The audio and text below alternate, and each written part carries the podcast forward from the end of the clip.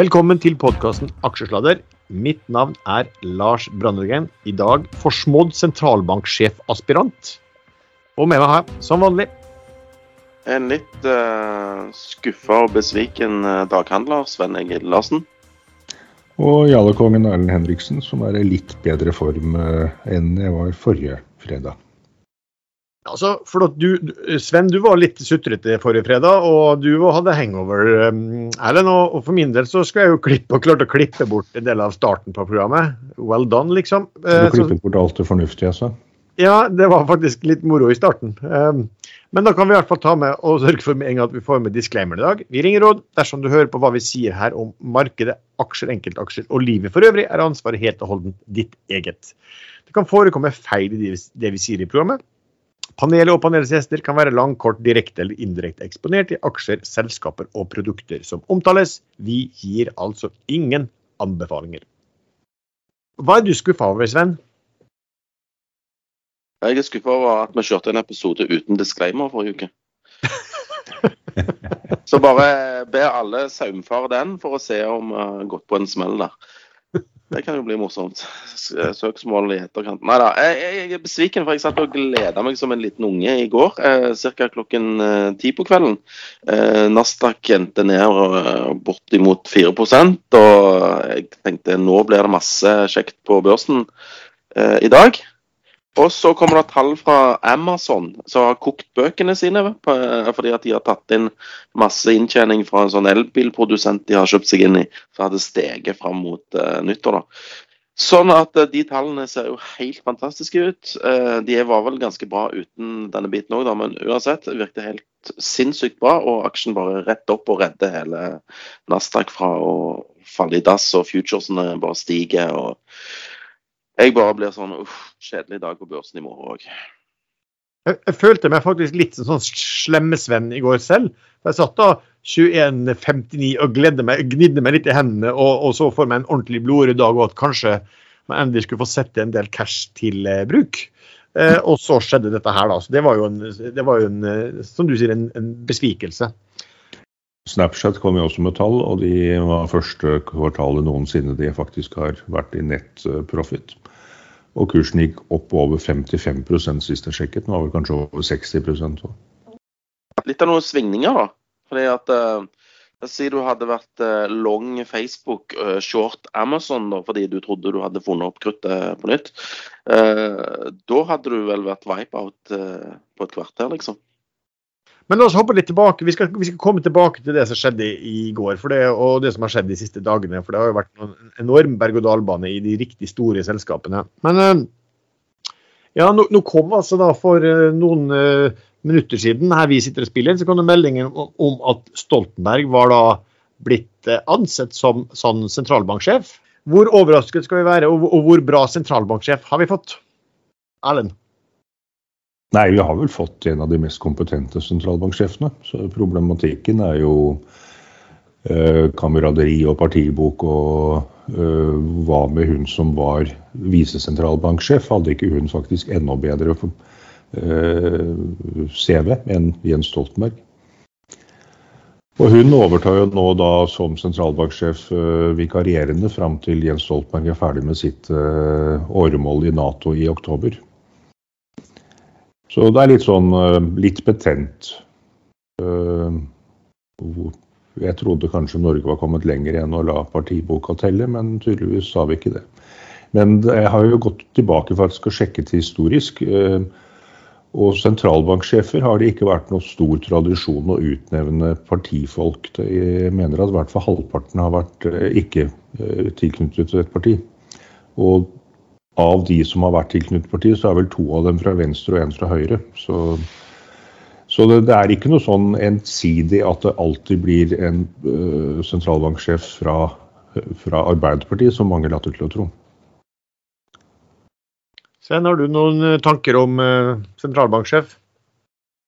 Den amerikanske sentralbanksjefen uh, Jay Powell er medlem av det republikanske partiet. Så det går vel greit i Norge òg. Vi vi er mer bekymra for Nato. da. Det blir vel helt gale der nå, og krig og, og fred og sånn. Så Krig og fred. jeg vet jeg kunne ikke, jeg kunne ikke brydd meg mindre, egentlig. Så lenge de setter opp renta, så er jeg fornøyd. Du, vet du hva, men det, jeg tenkte litt sånn som du, um, Sven, også, at hvem som blir sentralbanksjef av, av de to spiller egentlig ingen rolle for min del. Jeg, jeg nesten mer, hadde nesten mer hadde lyst til å ha eh, Stoltenberg som en sindig kar eh, sittende i, i, i, Nato, sånn som eh, verden er nå. Det er sånn. Um, skal vi starte der vi bruker å starte, da? Sven, siste ukers handler. Favorittinnslaget ditt? Kom akkurat med ja, fra. Ja, jeg skulle akkurat til å kjøpe den, og så ble jeg avbrutt av sånn programleder her, så det ble jo ingenting av den. Uh, ja, ja. Uh, hva har jeg gjort forrige uke? Kan dere bare hoppe og drite i å få vite? Sånn, ferdig. I uken som gikk har jeg faktisk pleiet kroppen. Hovedsakelig tre dager på guttetur i min alder, det, det, det er tyngre enn det var i mine litt yngre dager. Og særlig når vennene mine er så dårlige som de er. Men eh, jeg har, eh, jeg har eh, nå nylig, i går, kjøpte jeg litt Flyr. De har kjørt emisjonen sin og har penger. Og nå åpner jo verden opp igjen, så kanskje det blir greit. Eh, og så har jeg faktisk solgt meg helt ut av Onko Onkopeptides. Den var nede i under 9 kroner, så gikk den opp igjen til over 10. Eh, jeg solgte meg ut i løpet av et par dager i går og foregårs på rundt 9,70. Det siste gikk vel ut på 9,60. Så det ble en krone tap på den, men sånn, sånn, er livet. Nå håper jeg selvfølgelig at den går rett i kjelleren. Kanskje har man ordentlig flaks, så går den ned til 4 kroner igjen, så kan man kjøpe seg den. Men den kommer til å gå plutselig en dag. Eh, men om det er nå eller i juni, det er det ingen som vet. Nei, det er det spesielt gjort. Det er det du har gjort? Ja, jeg har ikke gjort noe sånn veldig selv også, men jeg snakket vel sist gang om at jeg hadde rota meg opp i og, heldigvis fått laber tildeling i Quantafuel. Eh, så den er da ute i. Eh, og det er å bare se på kursutviklingen der siden emisjon at det ble et eh, tap. ellers ellers har jeg vært inne og trada eh, Gram eh, Car Carriers, eh, som ble bra. Jeg har også trada Silka eh, Group. Eh, for de fikk en stor tildeling som, som jeg syns kanskje ikke de fikk, fikk, tilstrekkelig I starten i hvert fall på dagen fikk tilstrekkelig gehør for på børsen. Så den kjøpte jeg og har vært inn og ut av den. Jeg har også kjøpt eh, mere Norway Royal Salmon. Jeg har også kjøpt mer Frøy. Jeg har trada i noe tørrbruksserie. Og så um, noe som jeg sjelden gjør, men for the fun of it, så var jeg inne i, i Meta, Facebook, i går og trada. Uh, og kom ut der med et underholdningstap da på, på skal vi se, 400 dollar. Så det var um, ja, dag, var gårsdagens Under, Underholdningstap? Det hørtes ut som underholdningsbidrag. Ja, det var mer at, at traden var mest eh, underholdning av størrelse og av ja, kunnskap akkurat, akkurat, der og da. Så du sier at det, det er sånn kasino, kasino, eh, kasino i ja. statene? Det du sier? Ja, ja det var, var, mer artig å eie den. Det var jo en ellevill um, med folk som fulgte med på den i, i, chatten i går, når alt det foregikk. Så da var det gøy, gøy å være med litt på, på leken også. Eh, så det er akkurat sånn nettkasino. Istedenfor å gå på common.com, så kjører du inn på, på, på nettmegleren din og bare spytter inn noen daler der og satser på rødt. sånn, var, sånn var det faktisk, ja. Ja, nei, men jeg, jeg, jeg, jeg, fikk litt dårlig samvittighet, men uh, bare si fra når du er ferdig. husker jeg si hva jeg har gjort i løpet av uken. Ja, nei, jeg er ferdig nå. Å oh, ja. Det var fort. Ja. Jeg tror jeg sa sist uke at jeg hadde kjøpt noe sånn HTOO i USA, og det hadde jeg eh, gjort.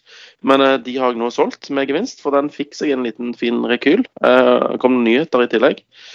Jeg har måttet jukse litt, for jeg måtte slå opp på sluttseddelen her. Og jeg har jo tradet en hel del, faktisk, ser jeg, i Siva i Seven, som var litt svak. Nord Helt, vet ikke hva de holder på med. Tekna har jeg vært innom.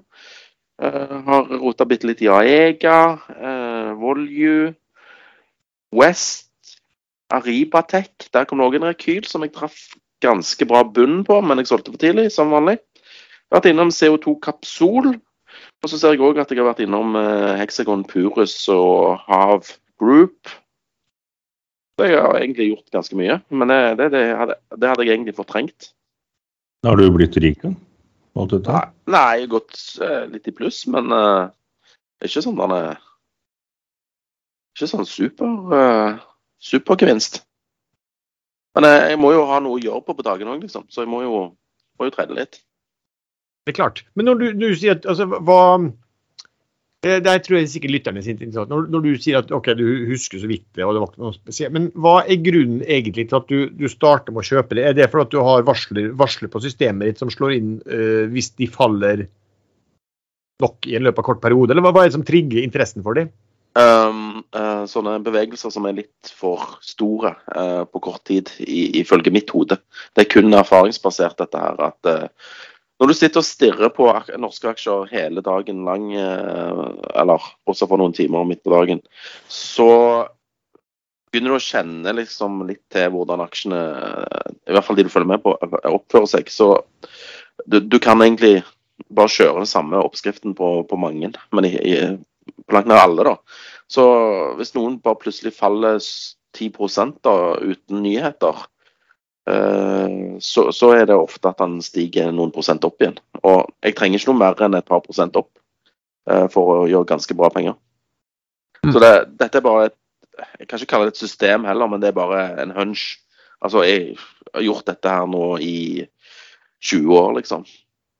Så. Men du girer opp når du står sånn? Nei, jeg pleier ikke gire opp. Mm. Pleier, pleier kjøre sånn uh,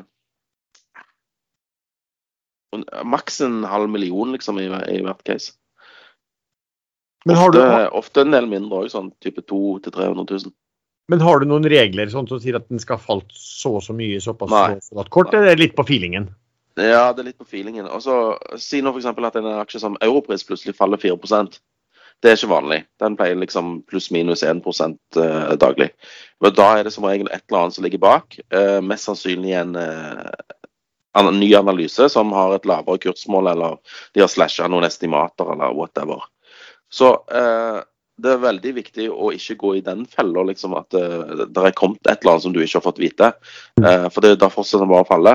Men hvis den hadde bare falt plutselig 4% uten nyheter og bare bong smakk, ikke sånn seigt nedover, men bare, da skal du bare hogge til å ta den. For en sånn aksje skal liksom ikke falle 4 uten at det har skjedd noe. Um, skal vi ta det neste temaet vårt da, Sven? Um, for den vet jeg i hvert fall også du liker å snakke litt om. Um, emisjoner og eventuelt nye noteringer. Hva, hva, har vi? Ja, hva har vi? Jeg vet da faen, jeg. Har, har, det vært noen, bortsett fra en surg? En surge. Ja. Og der ringte ikke meglerne mine engang. Jeg var faktisk en tur oppe på fjellet for å koble en vaskemaskin og en TV og få på plass noen småting. Eh, så jeg var egentlig på vei ned fra fjellet da når, det, når eh, børsen stengte. Den var mer eller mindre fulltegnet før de ja. den? Men jeg konfronterte vedkommende med dette at han ikke ringte meg. Og han sa at nei, når det var sånne binære case, så får det være opp til hver enkelt å ta kontakt. var det svaret jeg fikk da. Snakk om kald, kald type. Men den, den emisjonen i Ensearch, i Ensu, den er litt interessant, for de har nå gjentatt det vellykkede trikset fra de to par første emisjonene, hvor de kjører to warrants i tillegg til emisjonen. Så de som tegnet seg, de får samme kurs på en warrants-innløsning i løpet av første halvår, er det vel, og så er det en til ute på senhøsten. I hvert fall i høst en gang. Og da det er jo selskapet mer eller mindre sikret at de ikke bare får inn de 100 millionene de fikk inn nå, men kanskje helt opp til 200 millioner til i løpet av året. Og pengene, sånn aksje er jo det helt genialt. Ja, så lenge kursen stiger, og de to forrige gangene de gjorde dette, så, så steg jo kursen så mye at uh, jeg var jo Jeg fikk tilbud om å kjøpe Warrens i andrehånds secondhand-markedet i fjor. Det sa jeg nei til. Hadde jeg gjort det, så hadde jeg gjort ca. 100% for kursen steg såpass i mellomtiden. Ja, jeg kjøpte fem millioner av de der Warrensene eh, på 0,25.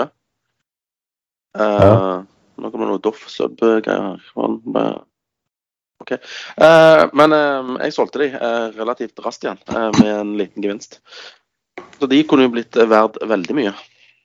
Jeg kjøpte de på tre øre, så egentlig hadde jeg kjøpt aksjer til 28 øre, liksom. Og da var vel kursen rundt 60 øre eller noe sånt da, da de kunne innløses. Enda mer, kanskje. Ja, riktig. Så jeg kunne gjort store penger der. Men eh, det, det er ikke bra for meg. Så det er godt jeg holdt meg unna det.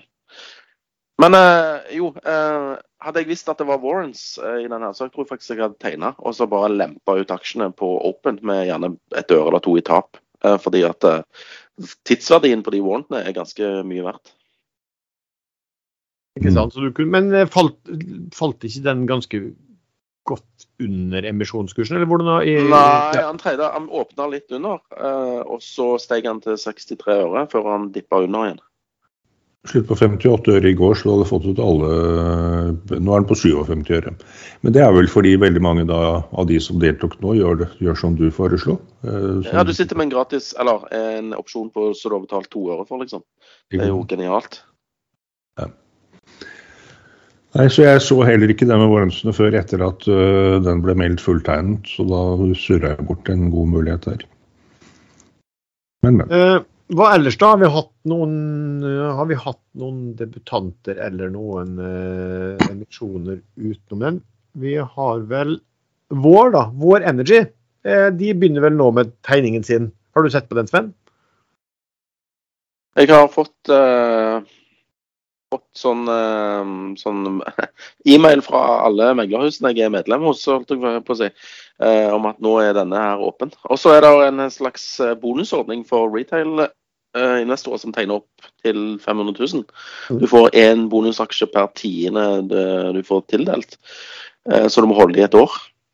Type, du var jo med på denne Sparebanken Vest-emisjonen og fikk masse bonusaksjer, forsto jeg. Yep, yep. Det kjører samme modellen her, så det er sikkert lurt, det òg. Men jeg, har ikke, jeg vet ikke noen ting om prisingen. Har de gått ned på pris i forhold til det de indikerte? Det, det vet jeg rett og slett. Altså, jeg, jeg så noen som skrev mente at de hadde eh, gått ned på hvor mye de skulle selge ut. Ja. Men jeg, det er bare noe som jeg har lest på sosiale medier, så jeg vet ikke om det, det stemmer. da. Men prisrangen er hva sto det, 28 til 31,5 et eller annet. Søt- Prisrangen var mellom 70 til 90 milliarder da, for vår energi. Så det, det er jo et veldig stort selskap som kommer på børs. Det er jo, det er jo kjempebra å få en sånn ny, en ny aktør. Uh, og så er det da veldig uh, interessant å se på for retail, da, som faktisk uh, Hvis du kan tegne det, så, så har du også muligheten til å få knappe 10 eh, bonus hvis du sitter på aksjen i, eh, i et år. Men, eh, men eh, det mest skuffende med dette opplegget var jo tikkeren de har valgt. Vet dere hva den er? Eh, nei? VAR. Kommer til å få sånne eh, dårlige liksom. Hver gang den går i sånn pause eller blir holdt eller noe, da er det VAR er inne og kikker på den. Value at risk. Hæ? Value at risk. Det, det er sånn ja. risikosystem som man bruker i banker. Det er value Nei, nei, men du får sånn en flashback når det er VAR, liksom, eh, på fotballkamper. Ja, ja. En VAR begynner vel å bli ganske bra nå, etter at jeg har endret litt på det.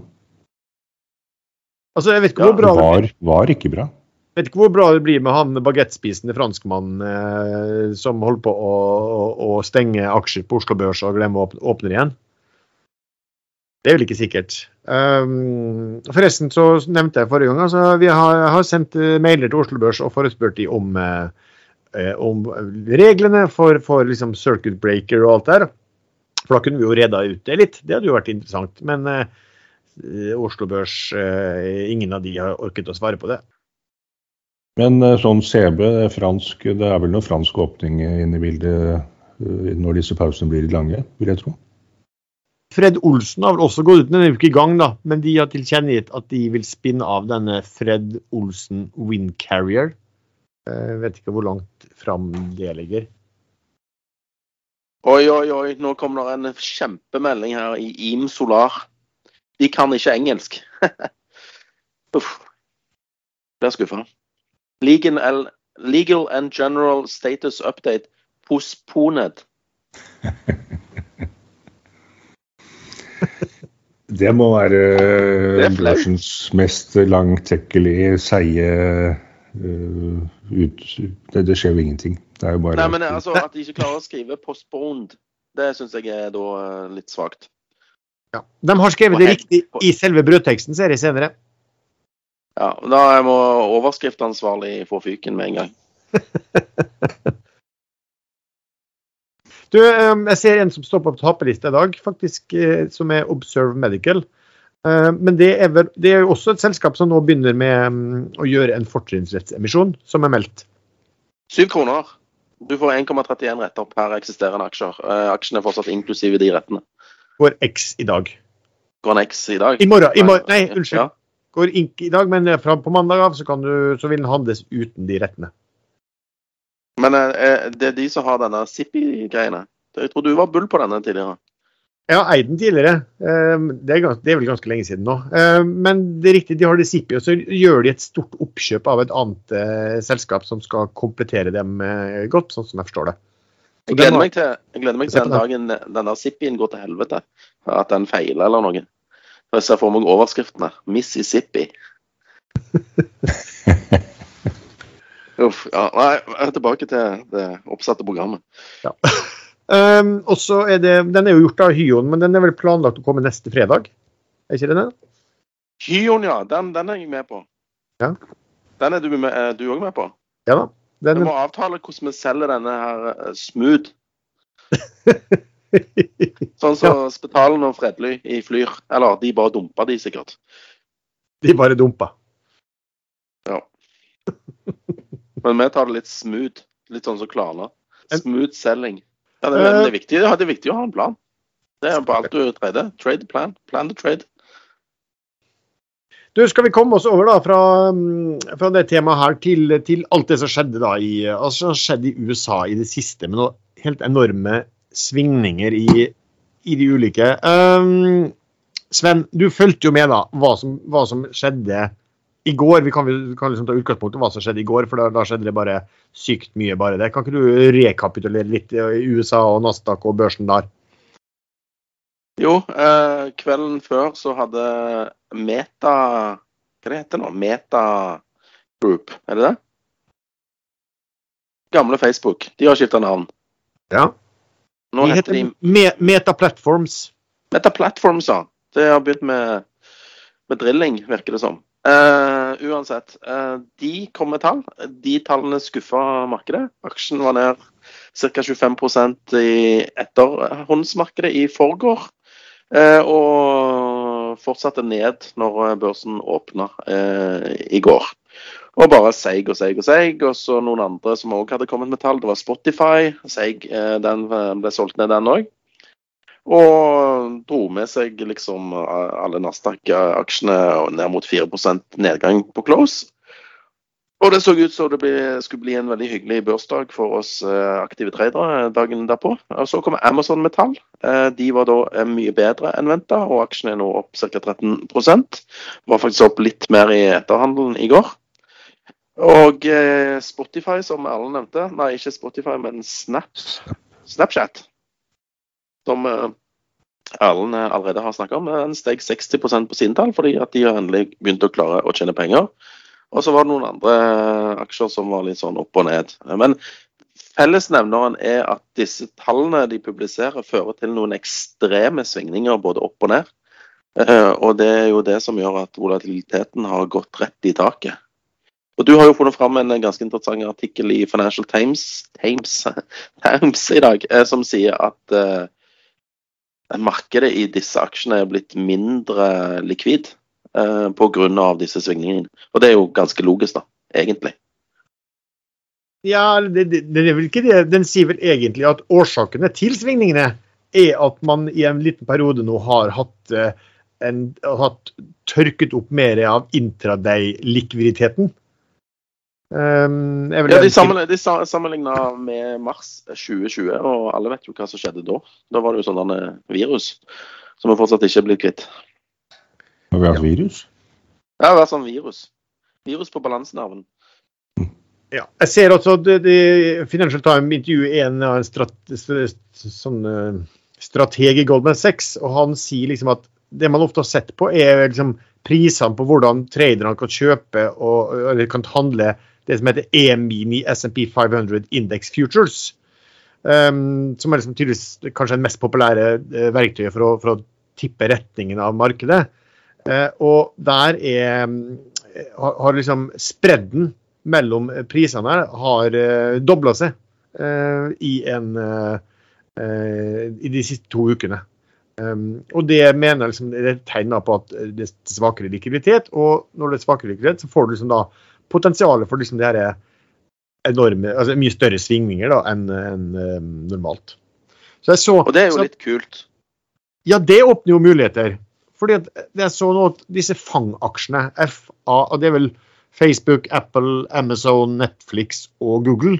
Altså Alle de har vel kommet med tall nå helt til de siste, og alle har hatt veldig store svingninger. Veldig store svingninger. Altså Facebook i går var, var ned 26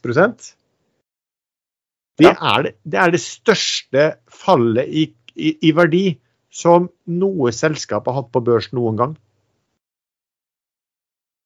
Jeg tror ja, det store, altså, Falt langt mer enn alle selskapene på norske børsen har vært til sammen. Og falt vel også mer enn verdien på de aller fleste amerikanske selskap. Den falt ikke den med 1850 milliarder kroner i går? Ikke hvis du er belånt, i hvert fall. Men eh, Apple hadde jo kommet noen dager før. Jeg husker ikke hvor mye, men den steg vel eh, solid også. Amazon var ned 8 i går. Og, og snudde opp det 14-15 i, eh, i um, etterhandelen, altså etter at det kom et tall.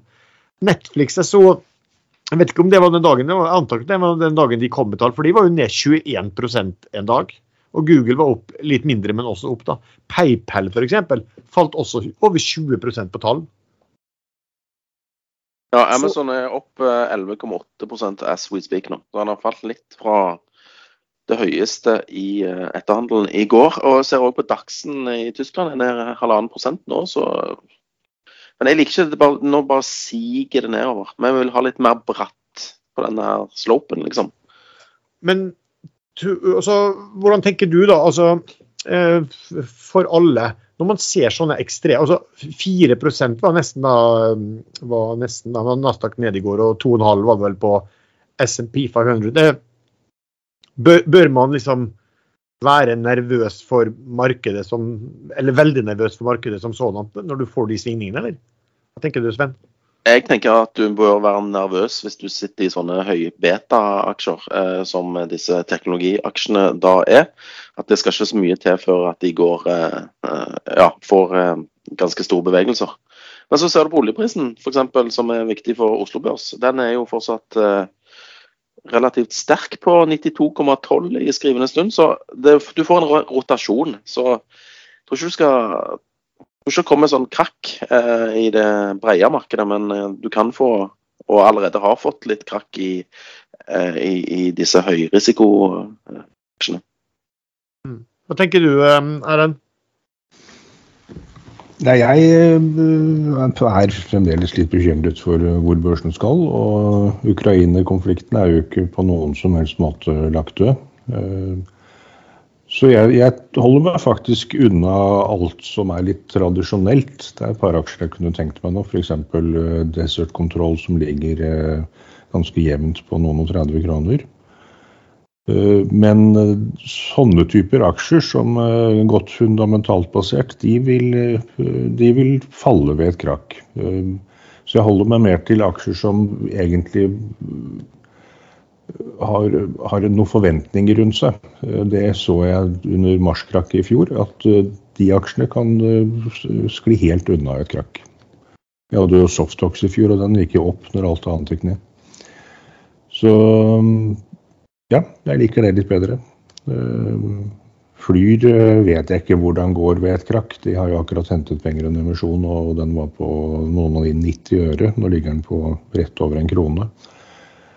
Eh, men det er klart, blir det noe krigstilstander, så kan man kanskje tro at fly, flytrafikken ikke vil gå som normalt på en periode. Men kommer det et krakk, så kan vi jo, da er jo all bets off. Da, er, da, da, smeller jo alt betydelig ned. Det jeg kan se nå på, ser akkurat nå på Meta Platforms i eh, forhandelen, det er vel på 239. Den var vel på det laveste på 235 Nei, ja, på 2,35 eh, dollar i, i, går, og så gikk den vel opp på over 2,40 da, etter handelen når, når det ble dratt opp på Amazon. Og, og så er den da ja, eh, nå på 2,39. Eh, så det blir jo interessant å følge med den da utover dagen. Altså, For min del så tenker jeg at det som er kanskje litt skremmende med det, er du har de største ok, de, de er kanskje høybeta, men de er de største og mest likvide selskapene som opptrer som Erlends Jalla-aksjer på, på kursbevegelser. At man tenker kanskje at man OK, jeg vet at mange har tenkt, og jeg har tenkt sånn sjøl også, at du kan være inne i ting som, som da, hvis du er litt usikker og urolig, være inne i de som er bra likvid, så du kommer deg ut. Men altså, her kan det jo skje så fort her da, tydeligvis i de selskapene der at, at uh, du må jo sitte nagla til for å komme deg ut på en ålreit pris. Og, og, i det øyeblikket de melder tall som, som kanskje er svakere enn forventa, så er det liksom 20% borte med en gang. Eller hvis det blir bedre, da. 30-40 eh, opp med en bang på, på, på, på minutter. Snapchat var det visstnok en veldig høy short-andel, så det var nok veldig mye short-inndekning for å få den opp 60% i år. Men det, er, eh, det er ikke ja. sikkert at det settes nye shorter nå selv med 60 opp, for caset er jo et helt annet når du begynner å tjene penger. Jeg, jeg satt og så litt på altså Meta Platform av Facebook er jo litt interessant. Når man, når man liksom, hva skal si, driver egne community sjøl også, så kan man jo litt om, om de nøkkeltallene.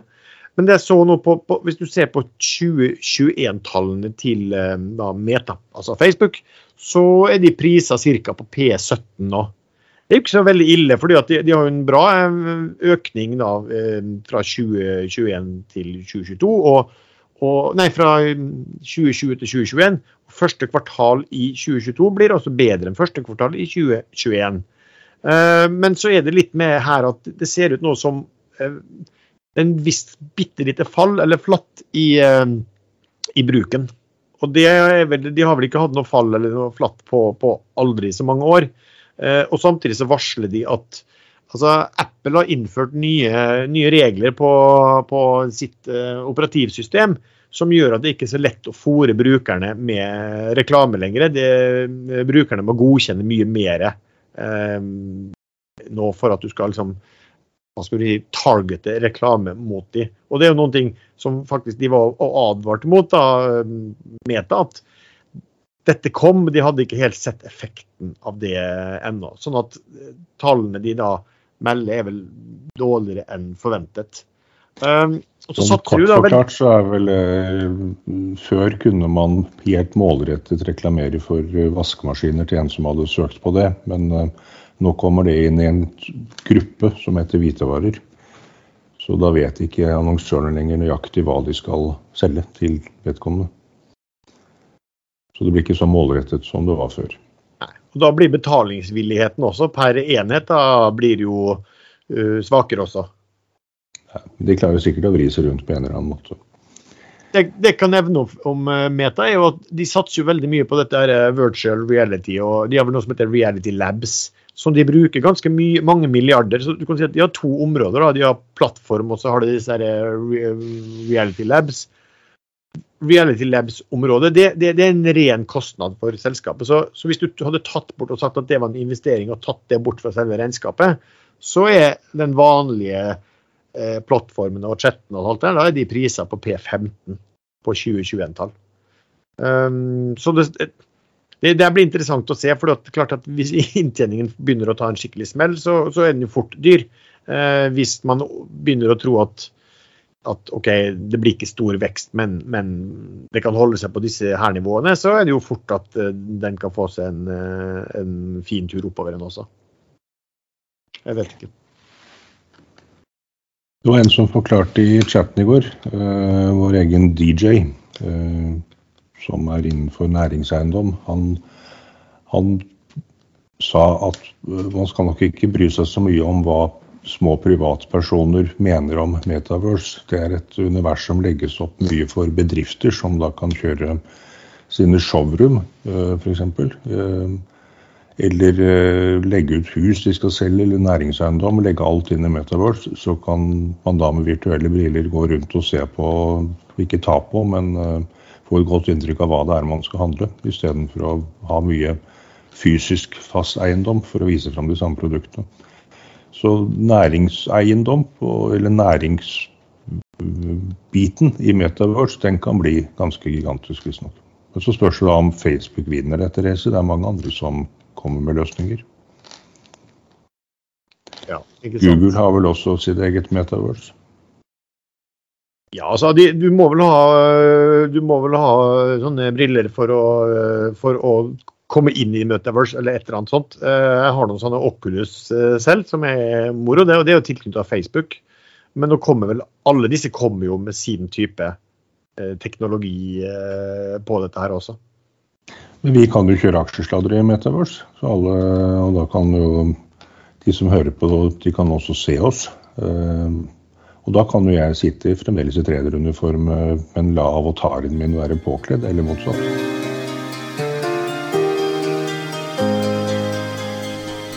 Vår hovedsponsor Skilling er en skandinavisk CFD-megler. Skilling tilbyr lynrask og kurtasjefri handel i norske og globale aksjer, indekser, olje, råvarer, valuta, ETF-er. Skilling tilbyr mer enn 50 forskjellige kryptovalutaer, og har en rekke forskjellige handelsplattformer og trading-apper. Skilling trader Metatrader 4 og C-trader. Du behøver kun bank-ID, og alt kan handles med eller uten giring, long eller short, til meget lave kostnader. Skilling har nærmest fullstendig fjernet spreads på kryptovaluta, samtidig som de også tilbyr kryptohandel uten giring. Med en bitcoin-spread på bare 0,5 dollar og kryptokrutasje fra bare 0,1% er Skilling nå sannsynligvis den desidert billigste kryptomegleren på markedet. Bruker du Skilling til å trade CFD-krypto uten giring, betaler du heller ikke renter, vekslingskostnader eller bankgebyrer. Skilling har kundeservice på norsk, kurtasjefri handel i nærmest alt av finansielle instrumenter og industriens laveste kostnader på kryptohandel. Sjekk ut skilling.no om du allerede ikke har gjort det, og åpne Skilling-konto med bank-ID. Risikoadvarsel. 66% av ikke-profesjonelle kunder taper. Fullstendig advarsel på skilling.no. Lenke til Skilling finner du også i beskrivelsen til denne episoden.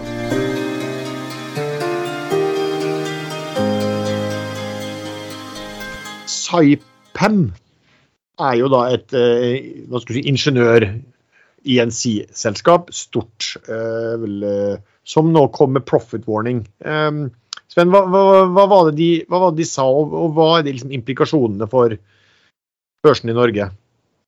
Taipam. Det taiwanske selskapet du snakker om. Ja, det er kanskje taiwansk. Ja, det er Nei, det de, de er fra Italia. Ok. Jeg trodde det var fra Italia. jeg var på å si. Så til når du sa at det var fra Taiwan, så tenkte jeg det var bra jeg ikke sa det var fra Italia. Det hadde vært jævla dumt. Jeg holdt på å korrigere deg til Sør-Korea. Ja, det kunne vært Saipan. Det It, ital, eh, italiensk, asiatisk- sørkoreanske, taiwanske selskapet. Ja, multinasjonalt, kan Ja. tror vi kan kalle det.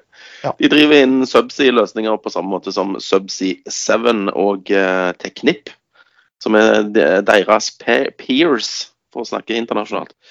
Um, de melder om kostnadsøkning på innsatsfaktorene sine, som gjør at uh, marginene går til eh, eh, en viss plass uh, i kjelleren. Eh, og um, sier samtidig at uh, pga. forskjellige effekter, både regnskapsmessig og kostnadsmessig, så har de tapt en tredjedel av egenkapitalen sin uh, i denne eksersisen og, og denne guidingen.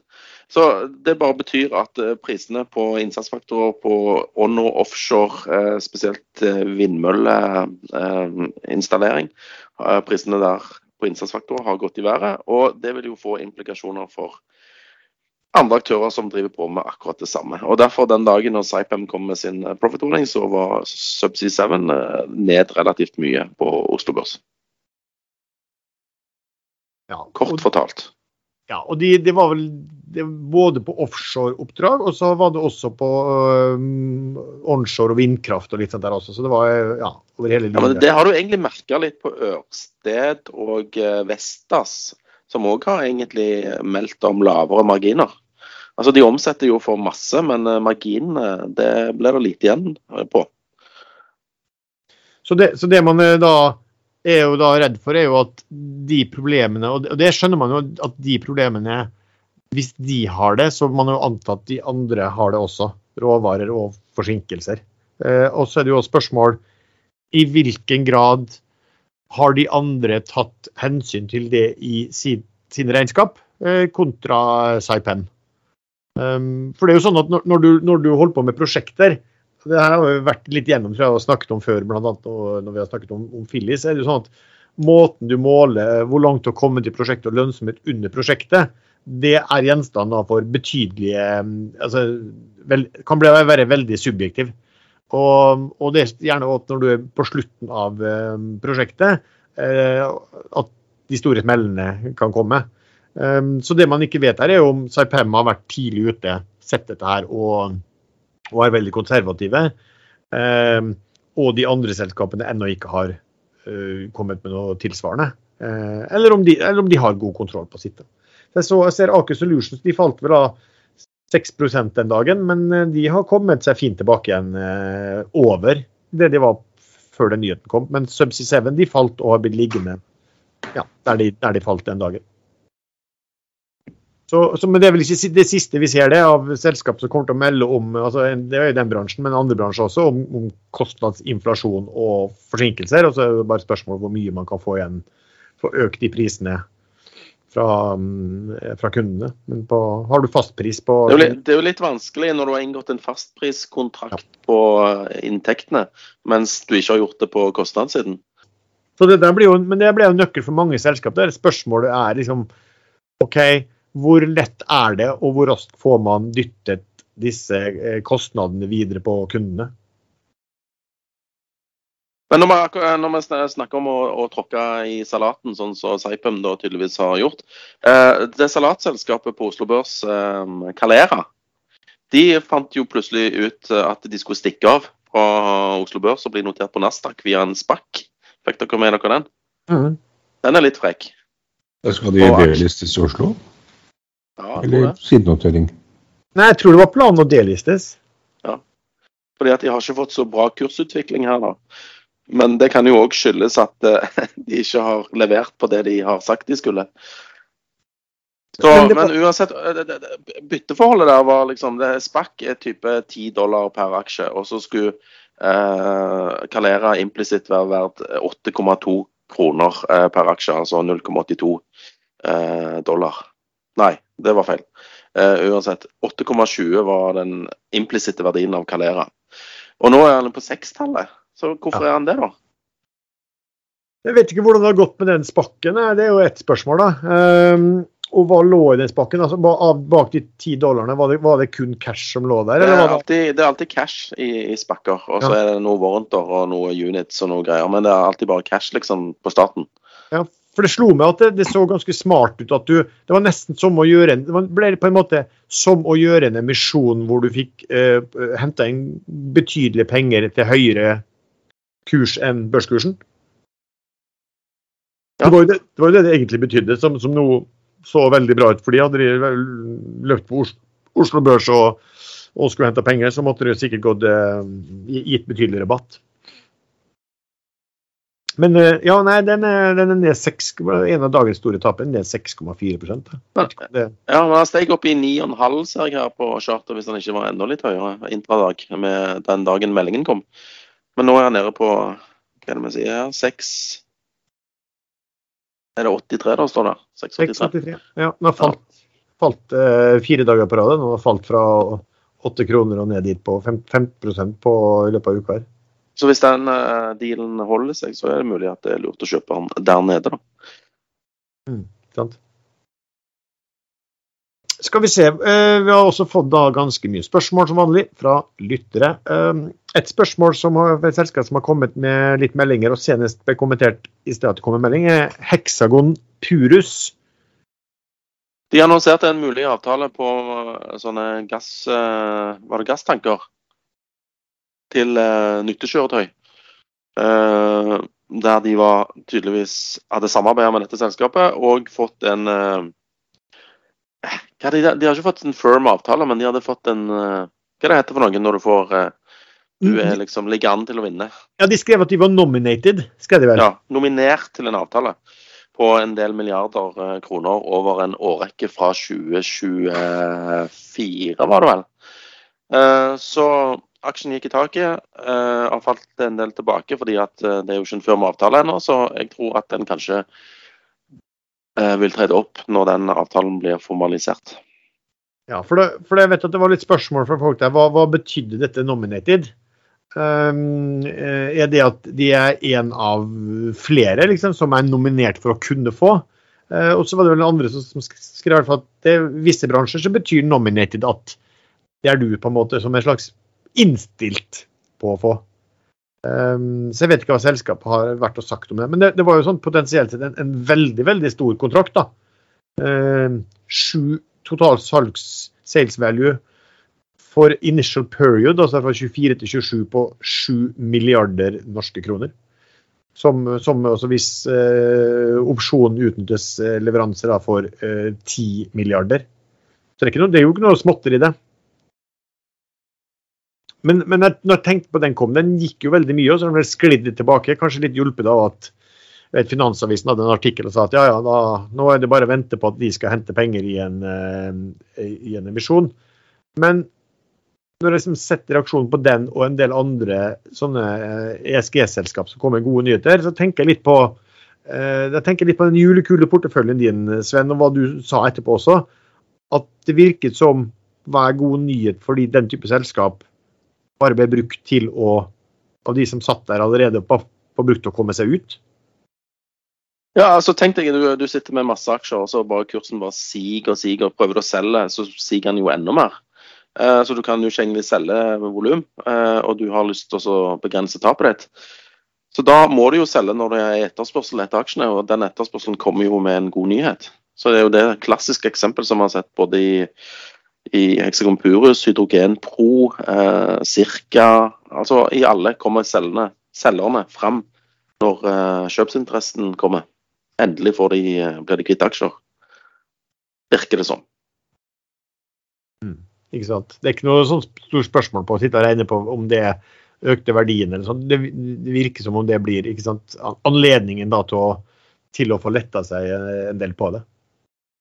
Eh, Cirka kom forresten, men også med en veldig god melding, for at de hadde fått tilskudd på uh, ca. 80 millioner kroner fra den franske stat på bygging av en fabrikk. Den har jo sklidd voldsomt etter at de meldte om overskridelse på den uh, fabrikken. Og, og, så er det jo liksom, det skal bygges en fabrikk, og det er liksom inntekter langt fram. Um, så den var vel da treda vel ned på uh, Den var ned på sekstallet, faktisk, uh, i starten av uken. 6,90 tror jeg det var. Um, og så kom den meldingen som utgjør ca. Sånn 70 øre per aksje. Um, og så har den steget, steget da pent etterpå, men, men, ikke sånn veldig mye mer enn uh, hva tilskuddet var. For at, En ting var det tilskuddet, men, men, det gjorde vel også at sjansen for at de måtte hente mer e-, egenkapital i seg, uh, ble vel da uh, en del redusert. Og i hvert fall størrelsen på den hvis de må. Men, men du ser, du, du, får ikke, du, får ikke, de utslagene sånn som du fikk før på sånt, hvor når, det var, når, dette, når ESG var populært, sånt, da gikk sånt 20-30-40% på den type på meldinger. ikke sant?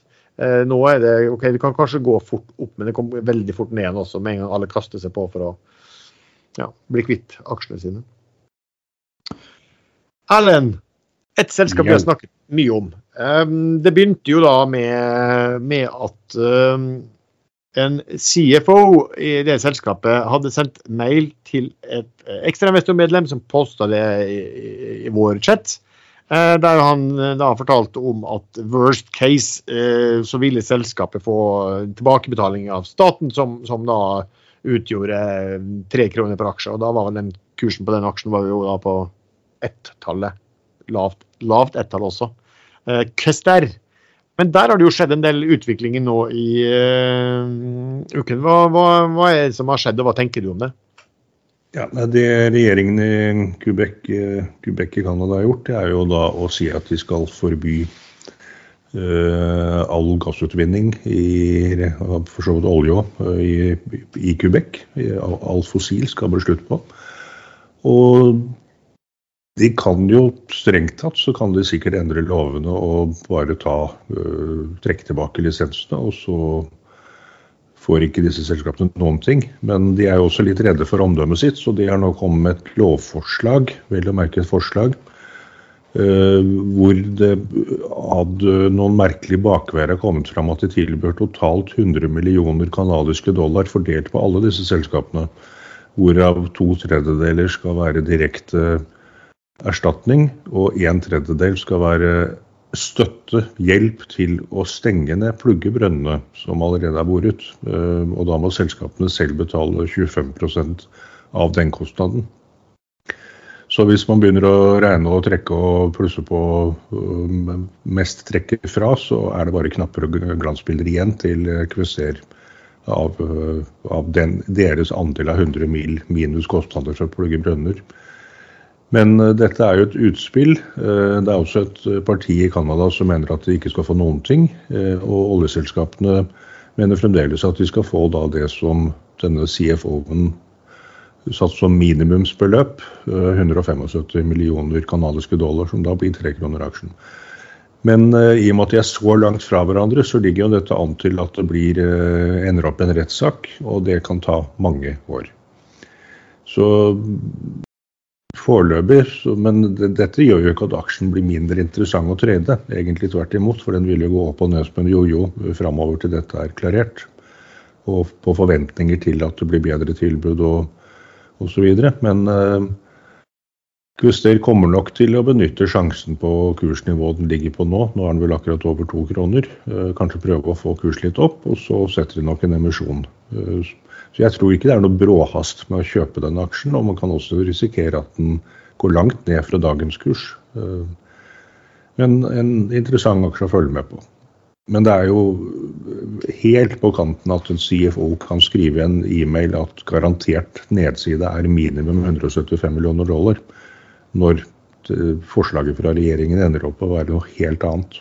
En brøkdel av det det er jo litt spesielt da, hvordan de har informert. Først så, sendte jo han ut dette her, han CFO-en, og når det ble kjent og omtalt i media, så gikk kursen. Og så sendte selskapet ut børsmelding at de skjønte ingenting hvorfor kursen hadde begynt å gå. Um, og det var jo litt spesielt. Men, men jeg syns jo de har hatt veldig spesiell holdning til å informere markedet denne uken. altså.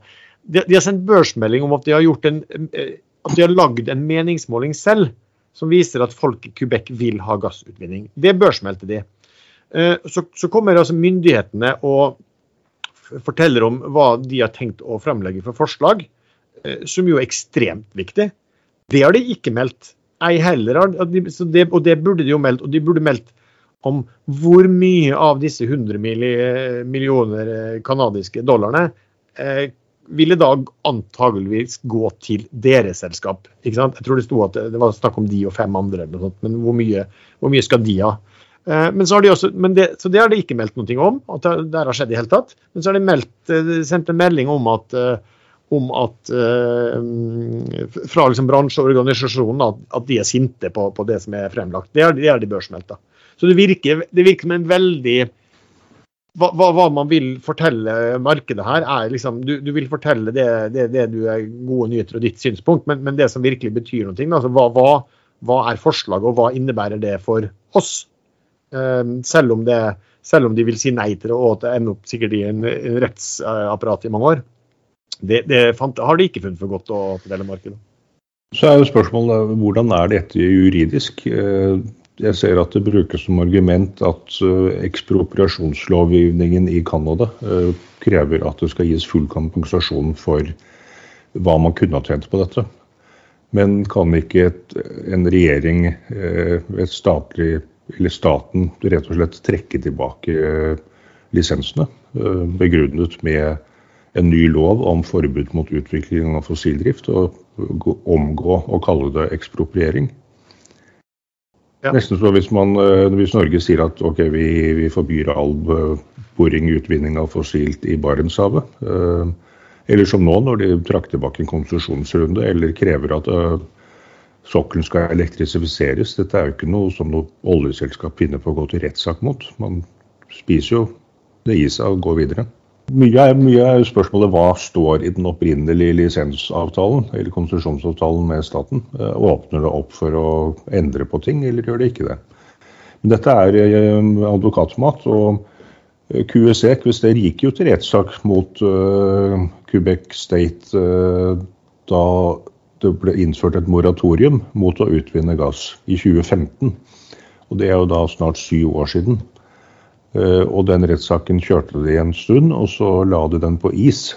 og når og da påsto de at de, hadde, de, kunne kreve 19 milliarder US-dollar, eller canadiske dollar. Og det var jo mange, mange ganger kursen på selskapene. Og kursen gikk vel også til ti på disse meldingene. Men den blir lagt på is. Og når, øh, hvis noen sitter med en så god sak og garantert kommer til å få utbetalt mange ganger eh, kursen, så, så legger man ikke den på is frivillig. Da kjører man bare på, da. Men så skal jo sies, da, altså, man må jo være balansert her, at dette er jo et utspill fra myndighetene. De kan sikkert være veldig tungt på vektskålen, men Kester og de andre selskapene og bransjen er jo, er jo veldig uenige i det. Um, og det er liksom som du sier, det er advokatmat, og man må lese hva som står i de ulike lover som, som har lite i hvert fall vanskelig kompetanse her. da, og, og så, så, ser man hva, hva, hva, det måtte ende opp med. og Det kan godt være at det her foregår i, i, i veldig mange år. Men det vi kan fastslå, i hvert fall er at det worst case som han uh, CFO-en uh, slengte ut av seg, eh, om hva de skulle bli tilbudt, det ser ut til å være særdeles langt unna en, en særdeles optimistisk tolkning av worst case, da, for å si det mildt. Erlend, vi har fått noen spørsmål uh, til deg her. Uh, det er en som er, er anonym, uh, som heter Rune. Ja. Han spør om tror du, at spørs, tror du at oljeforbruket har kommet opp i 100 millioner fat per dag nå i forbruk?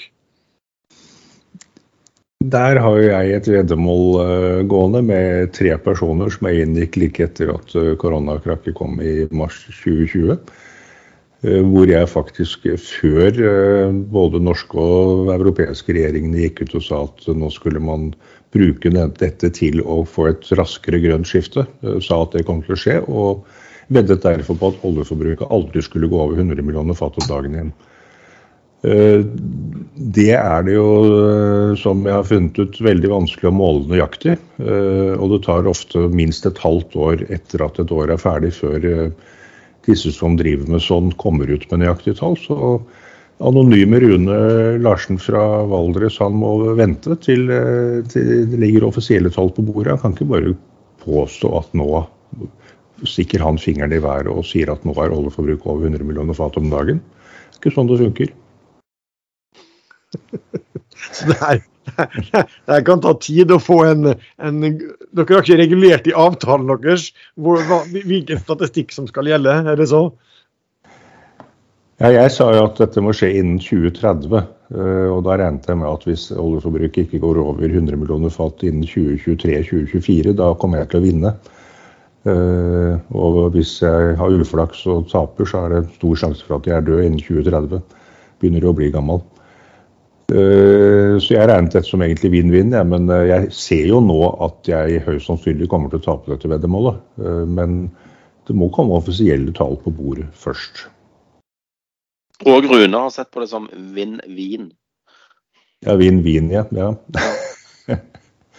Men vi har jo en avtale om at når, når, han vinner, så skal den kassen tas med på en hyttetur og deles av oss i fellesskap i løpet av en helg. Så uansett så blir det jo litt vinn-vin til meg òg. Selv om jeg må betale gilde. Ja. Et annet spørsmål. Han er flink til å lage mat. da. Sånn uh, selvskutt hjort og, og andre Hjelpe. sånne koksdyr. Ja. Hvis han er på, på jakt etter storvilt, og sånt, så må du passe deg at du ikke surrer deg borti skogen i nærheten der. Erlend? Han har i hvert fall passe på å ta med god nok vin, så han ikke skyter med. Han har jo fjerna all hårvekst, så han ligner ikke på en bjørn lenger.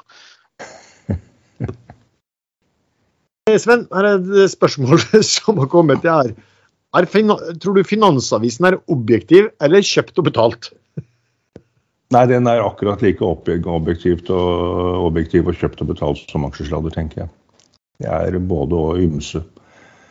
Du var jo åpenbart Noen hadde jo åpenbart kjøpt og betalt deg for at du erklærer Sven som vinner av fjorårets Sorte svane-konkurranse. Så, og sånn er det vel med Finansavisen òg. Det er Nei, For å svare litt alvorlig, så tviler jeg veldig veldig sterkt på at Finansavisen kan være kjøpt og betalt. De har veldig streng internkontroll, har jeg hørt fra en som har vært journalist der i flere år, som skriver på Ekstrainvestor.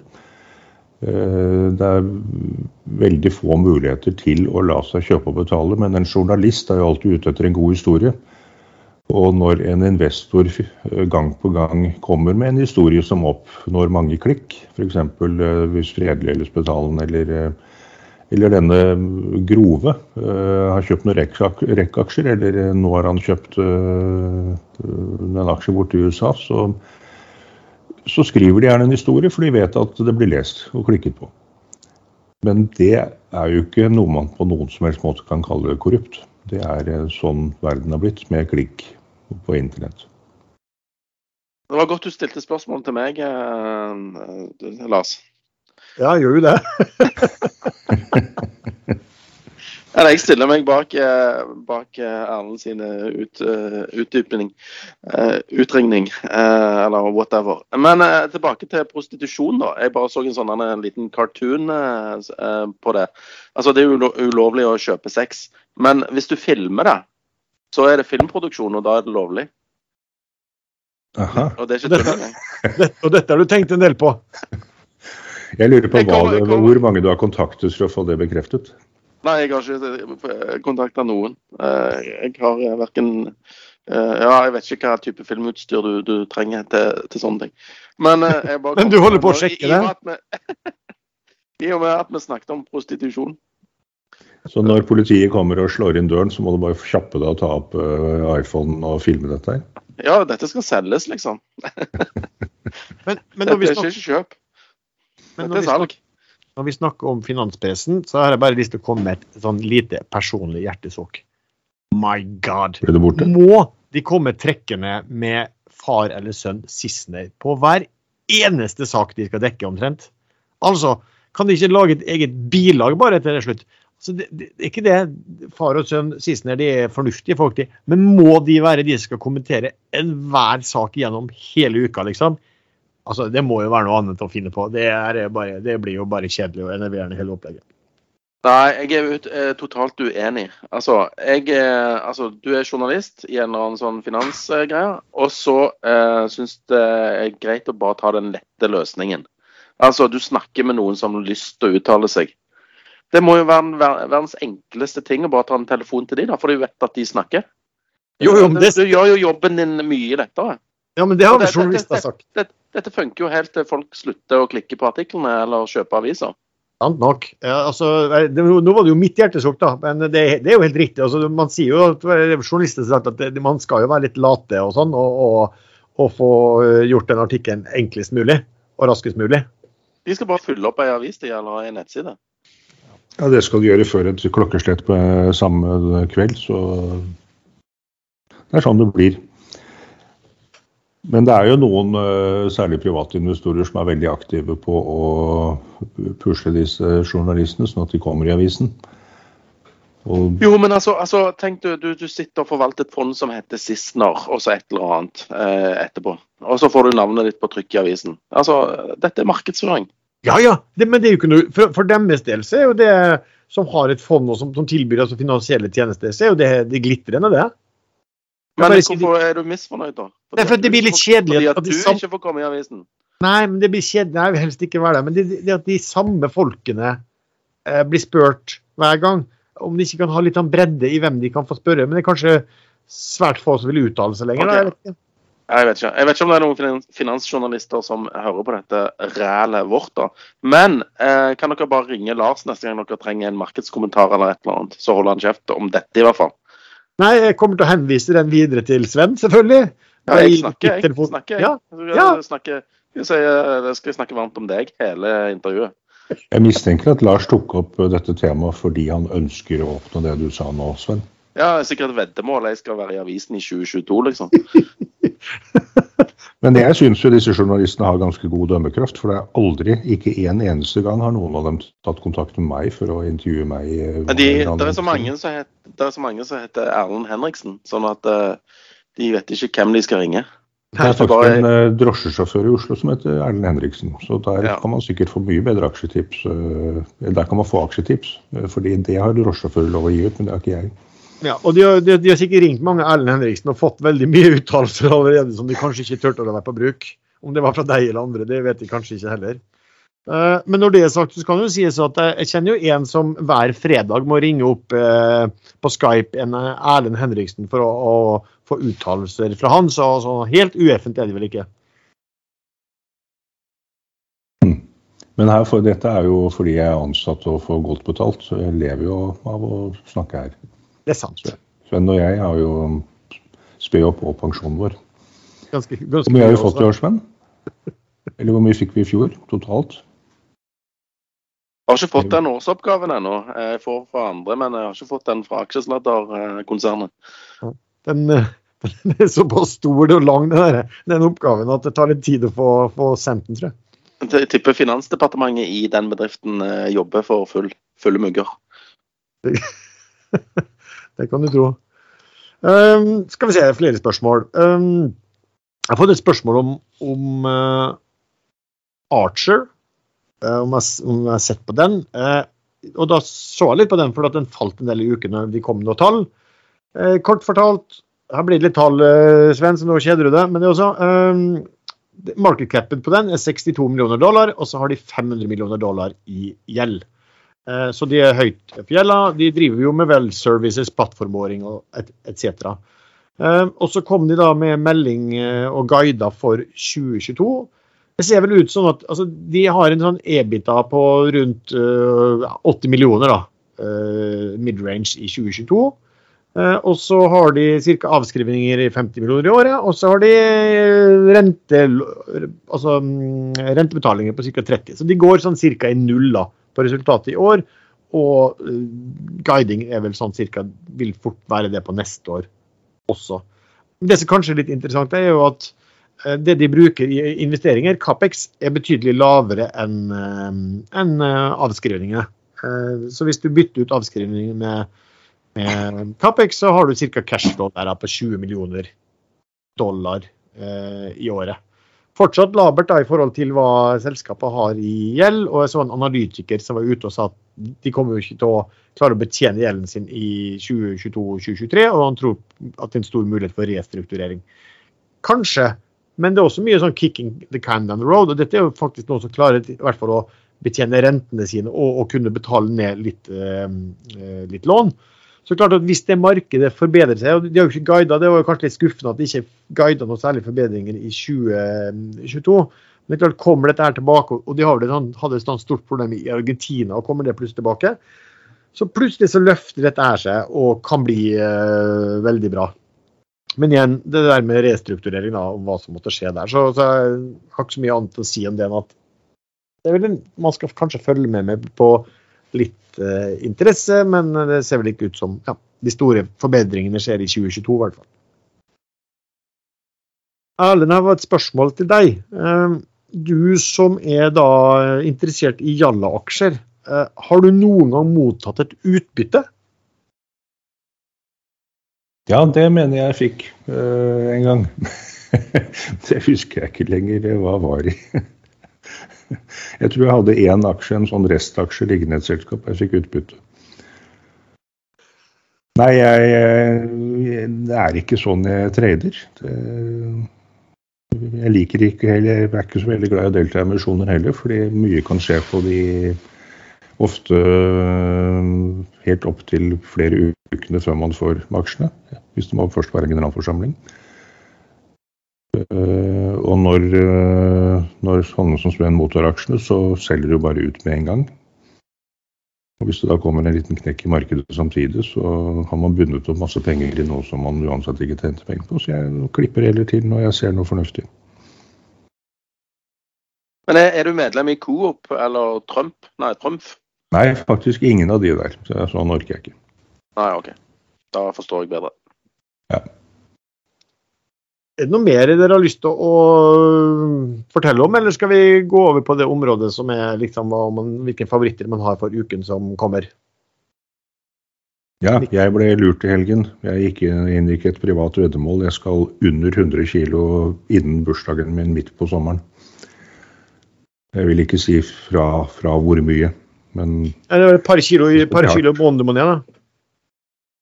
det var vel en kilo i uka eller noe sånt. Nå var det en som rent ut. Oi. Det må man jo klare. Erlend Bustus Henriksen. Men da er det jo ingen som kommer til å kjenne meg igjen etterpå. Det, en mann skal veie over 100 kg, mener nå jeg, da, så da blir bare sånn kortvarig for å vinne veddemålet. Ja, men har du ikke hva sett var, hva var gevinsten? Hva var gevinsten? Det er 10 000. Oh, okay. 10 000 kroner norske. Du vet, du vet sånne litt runde, joviale personer som deg, hvis de plutselig blir tynne, så, så framstiller de liksom litt mer sånn beinete. De, de, de, de føles ikke like loviale lenger. Litt mer sånn ja. Nei, det er bare å se på Bill Clinton. Det. Han ser jo ut som et krangle, rakleverk etter at han ble veganer og slanket seg masse kilo. Så ja, jeg gruer meg til det. Jeg kommer sikkert til å bli umulig å ha med å gjøre. Sur og grinete. Det blir en eh, Det, det ser vi fram imot. Eh, OK, eh, Sven, få høre hva du, hva du ser på nå i uken som kommer. Åh, måtte du si uken som kommer? For akkurat nå sitter jeg og ser på Nei da. Eh, jeg gjør ikke det. Jeg sitter og ser på aksjekurser.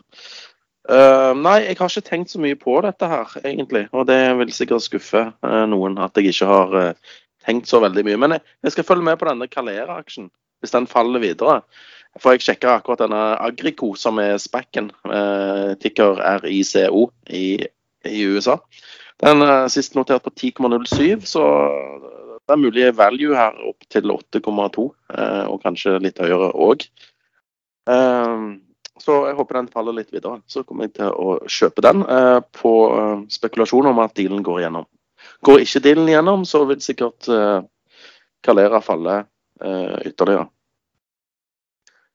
Eller så Jeg følger med på volatiliteten. Så plutselig så stiger noe 30% eller så faller det med 30 Så det, det, det er vanskelig å, å, å, å si noe så du skal holde en hel uke, liksom. Men Et godt råd er å kjøpe før det stiger med 30 og selge etter at det har steget. Ikke motsatt. Ja, det, det, det prøver jeg på. Men eh, det er ikke alltid det går. Tenk deg hvis du var liksom short Amazon og long Facebook, da. Og gira. Ja. Uff. Nei, så du trår, trå varsomt, tror jeg jeg vil eh, si eh, gjelder nå for de neste ukene. Erlend? Ja, nå, øh, dette, dette flyveddemålet mitt i Flyr, det kom, den sitter jo veldig løst. Da. Det skal ikke mye til før jeg vipper ut de aksjene. Så dette er ikke noe som, øh, som noen skal kjøpe på og tro at de blir med på en opptur. fordi de kan godt gå ut på nå etter at vi har snakket sammen, eller på mandag. Det er et turbulent marked, øh, men alt går jo mot nå en gjenåpning. Og Norge har jo da fjernet krav til hjemmekontor. Dvs. Si at de som øh, tidligere pendlet rundt i Norge fra jobb sånn et par ganger i uka, de kommer kanskje til å begynne med det igjen. Og utlandet åpner mer opp. Nå satt vel fly, de har vel fem fly, og satt to på bakken i desember en gang. og leverte ikke noe sånn veldig bra tall i januar med de tre flyene de hadde i lufta. Eh, Det var vel bare litt over 50% setebelegningsgrad, eller jeg kan ikke disse ordene. Eh, Men det kan jo endre seg bråkjapt, og det kan jo komme en del børsmeldinger etter at de nå har fått penger inn i kassa og emisjonen er fullført. Og det fine er jo at disse, disse som er kjent for å kaste seg fort ut, de har allerede kastet seg ut, mange av dem. Jeg sjekket akkurat eh, listen, og der er jo da både Spetalen og Fredelig og Grunde Eriksen og et par til av de mest kjente, de er jo allerede ute. Og så står jeg First Generator. Eh, verdipapirfondet First Generator de økte faktisk med halvannen million her på dagens liste, og det er vel eh, tirsdagens handler. Og så har investeringsfondet Viking de har solgt seg ned fra 10 millioner og har nå 3,5 igjen, så det, det, det går liksom fort ut. Eh, de som skal ut, det ser ut som at de gjør det fort og gærent. Og kursen ligger nå rett over én krone, så det, den emisjonskursen var vel 95 øre. Så de har tjent sine 5-6 og er happy med det. Uh, og når de er ferdig med å selge seg ned, da kan det jo være at den får seg en kick-up. Så dette er ren spekulasjon på en, uh, på en bonds etter at selgerne er ute. Og forhåpninger om en kanskje en lang rekke med positive børsmeldinger nå når verden åpner opp. Og så får man se hvor lenge verden fortsetter å være åpen. For jeg har ingen tro på at, at korona er helt ferdig. Det kommer til å komme nye varianter. OK. Uh, ja, for min del så er det vel heller ikke noe sånn uh, spesielt nytt. Uh, jeg ser vel at jeg, jeg, antar at før dagen er omme så har jeg kanskje kjøpt litt Observe Medical for å, å ha rett på tegningsretter i løpet av dagen. Jeg ser også på Du vet at de blir Bare et lite øyeblikk. du vet at de blir notert, de tegningsrettene? Så det er òg mulig å kjøpe seg tegningsretter? Ja, i markedet. ja.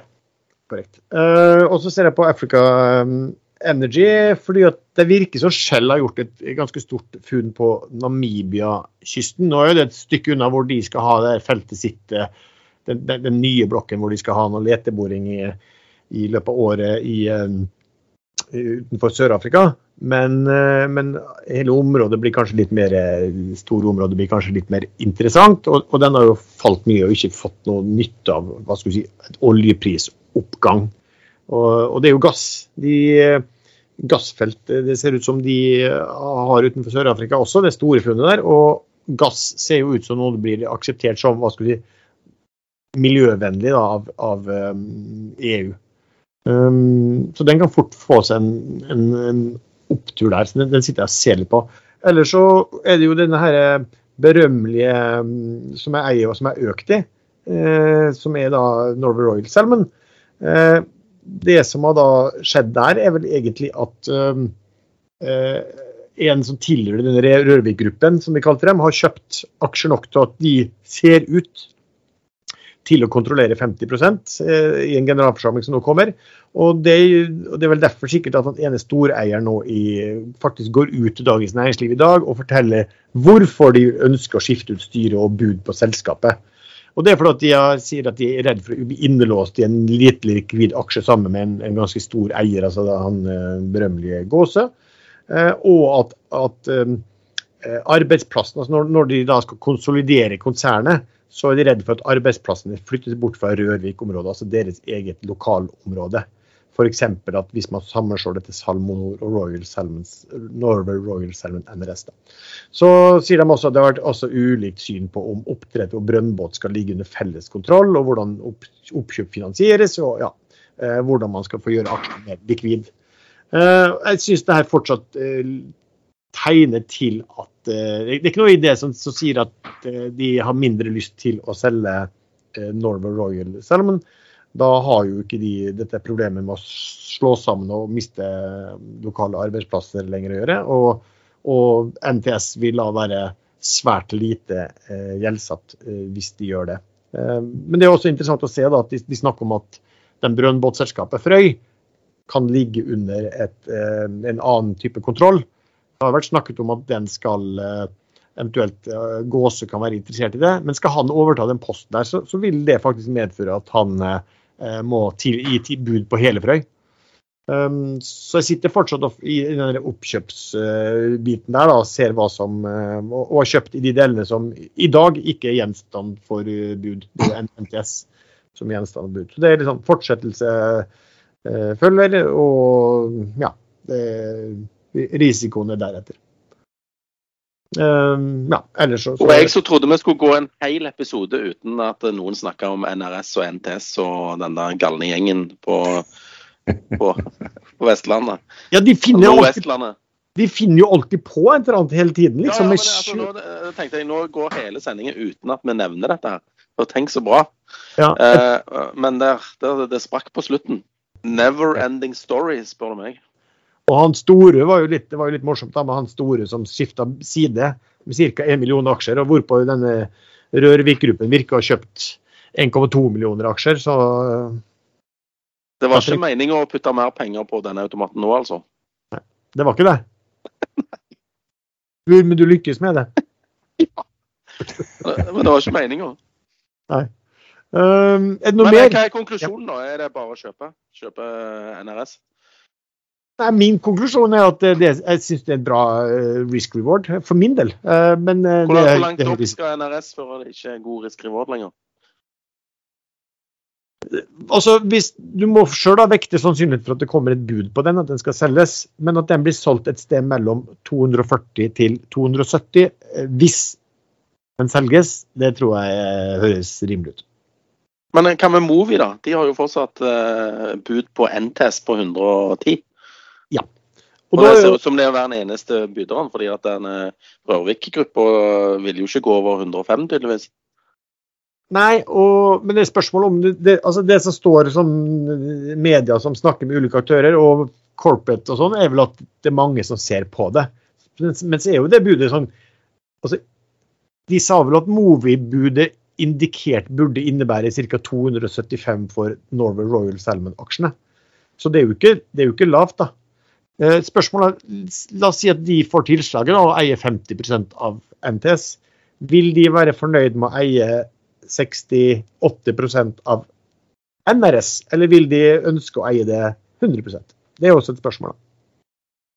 Så det, det, det, ja, det er ikke lett, det der, altså. Og nå putta du nye penger på meg. I know. OK, eh, noe mer vi skal snakke om før vi eh, Ja, sånn, jeg, jeg sitter faktisk og følger med på en del eh, litt seriøse aksjer òg. Men jeg håper eh, faktisk som Sven at det da må komme litt sånn ordentlig, ordentlig markedskorreksjon først. Som fotokura har jeg lyst til å få ned på 50-tallet. Og, og Snorlix Semiconductor har jeg likt, likt lenge, men jeg sliter litt med å kjøpe den på rundt 250, selv om den plutselig står i 350. Og så har man Desert Control, Da. det syns jeg er et av de mest imponerende eller selskapene på børsen om, om dagen. Det er et norsk selskap som eh, skal sprøyte noe eh, leirebasert eh, på ørkenområder. eh, Som inneholder alt av næringsstoffer som man i løpet av noen få timer kan dyrke, dyrke ren ørken. Eh, Og det, det tar nok lengre tid enn folk tror, og kursen ligger nå rundt 30. Den har vel vært oppe i 39 eller noe sånt. Den startet på 15. og er Et av de få selskapene som har kommet på børs som nesten ikke falt under emisjonskursen på Growth-børsen, growth-børsen, eh, handelsplassen, eh, etter at det kom, og har doblet seg siden. Eh, Jeg tror det tar litt lengre tid enn folk tror. Det er eh, alltid redsel for eh, i stort sett hele den siviliserte verden, spesielt i USA, hvor de nå satser stort. Eh, har startet en egen eh, avdeling der borte eh, på at det kan ha negative effekter på sikt. Eh, et, et problem, del av problematikken var om dette forårsaker for, mye, for høyt saltnivå i bakken. Det De har vist at det er akkurat motsatt. Det reduserer saltinnholdet, som ofte er et problem når man driver med vanning av eh, sånne områder med grunnvann. For der er saltinnholdet gjerne såpass høyt at bakken etter hvert eh, ikke burde gå an å dyrke lenger. Så det, ser ut som at det er ryddet ut av veien, men det er, det er mange forsøk som står igjen. De har en kjempeavtale med et gigantisk selskap nede i, det er vel i Dubai, hvis jeg ikke husker feil. Jeg skal lese meg litt mer opp på det selskapet og følge med framover. Jeg tviler på at det bråhaster, men det er et selskap jeg kunne godt tenkt meg et long i. Men det hadde vært fint å få den Men- 50 under dagens pris. Da. Det var jo dumt det med det saltet, da. fordi at eh, Hvis du kunne liksom hatt høyt saltinnhold, så hadde du sluppet å salte potetene før du, før du kokte de, liksom. Ja, da vet vi at uh, Sven ikke har egen kjøkkenhave hjemme, og ikke er, har grønne fingre, som han kaller det. Ja, jeg har, jeg har sånn, eh, sånn boks med sånn jord oppi, som jeg har dyrka litt forskjellige ting oppi. Gulrøtter og sånn. Ja. Men det er klart, eh, Calera, eh, å bygge og dyrke salathoder innendørs i mange etasjers høyde, det er jo sikkert fornuftig det, men det er ikke alle land det er like enkelt å få til. Og hvis man kan kombinere, kombinere kraftig økt matproduksjon med å begrense spredning av ørken, som jo er et problem i store deler av verden, så, så er jo dette en sånn, eh, hva kaller man disse eggene? Eh, sånn egg Noe sånt. Disse russiske Pri- figurene. Prior. Ja, prior. Da er vi enige om prior. Eller er sånn. Columbi. Du er flink til å hjelpe meg ut når jeg står fast. Liksom. Columbi-egg. Jeg tror du tenker for mye på den uh, filmatiseringsløsningen din, på det, det problemet du åpenbart uh, har. Men Desert Control har jo vært en, det har vært en sånn flott ESG-suksess siden, eh, eh, siden den gikk på børs. Det er vel prisa til 1,3 milliarder nå, ser jeg. Og opp eh, på seks måneder er den jo opp 120 selv om den er ned hittil i år. 10, Ja, ikke sant? 12 Og det, det er fundamentale grunner bak dette. her. Det, det, og, vi, og når de klarer å rulle ut dette i, i land etter land i høyere tempo, mye høyere tempo enn nå, så er det jo the sky is the limit, som, som man sier. Jeg tror de til og med har penger nok. Så um, absolutt interessant å følge med på. Jeg har det ikke selv akkurat nå, så jeg burde egentlig ikke sagt noe som helst, men sånn er det. Du ønska dem jo alt vondt da, kursmessig. Så? Ja, kursmessig gjør jeg det. Eh, Men eh, det er et sånt fint lite 50 krakk eh, nå fram til påske, og så drar det seg opp igjen etterpå. Det hadde vært fantastisk. Nei, men da, da er det ikke noe mer å tillegge, da, gutter? Nei, Jeg må jo ønske Sven lykke til i helgen med eh, filmatiseringene sine. Kamerajakten på det Du, eh, det var en tegneserietegning som jeg refererte til. Det var bare ja. liksom for å sette det på spissen. Allen. Yeah, Men eh, yeah. du må vel bruke ideen her. Det, det går fint, det. Han var veldig interessert i ideen, i hvert fall. Det er ikke noe Ja, tvil om. ja. det- gikk jo i ett her. Nei, men eh, jeg har jo alltid nei, Nå må jeg være litt forsiktig med hvordan jeg ordlegger meg, men det det, er, det er bare forbudt å kjøpe. Det er ikke forbudt å selge. Uff, nå fikk jeg okay. dårlig Ja. bilde her. Ja. Og da takker vi til deg som har lyttet på denne episoden. Um, oss tre kan du alltid treffe inne på chatten på Ekstrainvestor. Vi har også en stor gruppe på Facebook som heter podkasten Aksjesladder. Musikken er som vanlig laget av sjazz.com, og vi høres.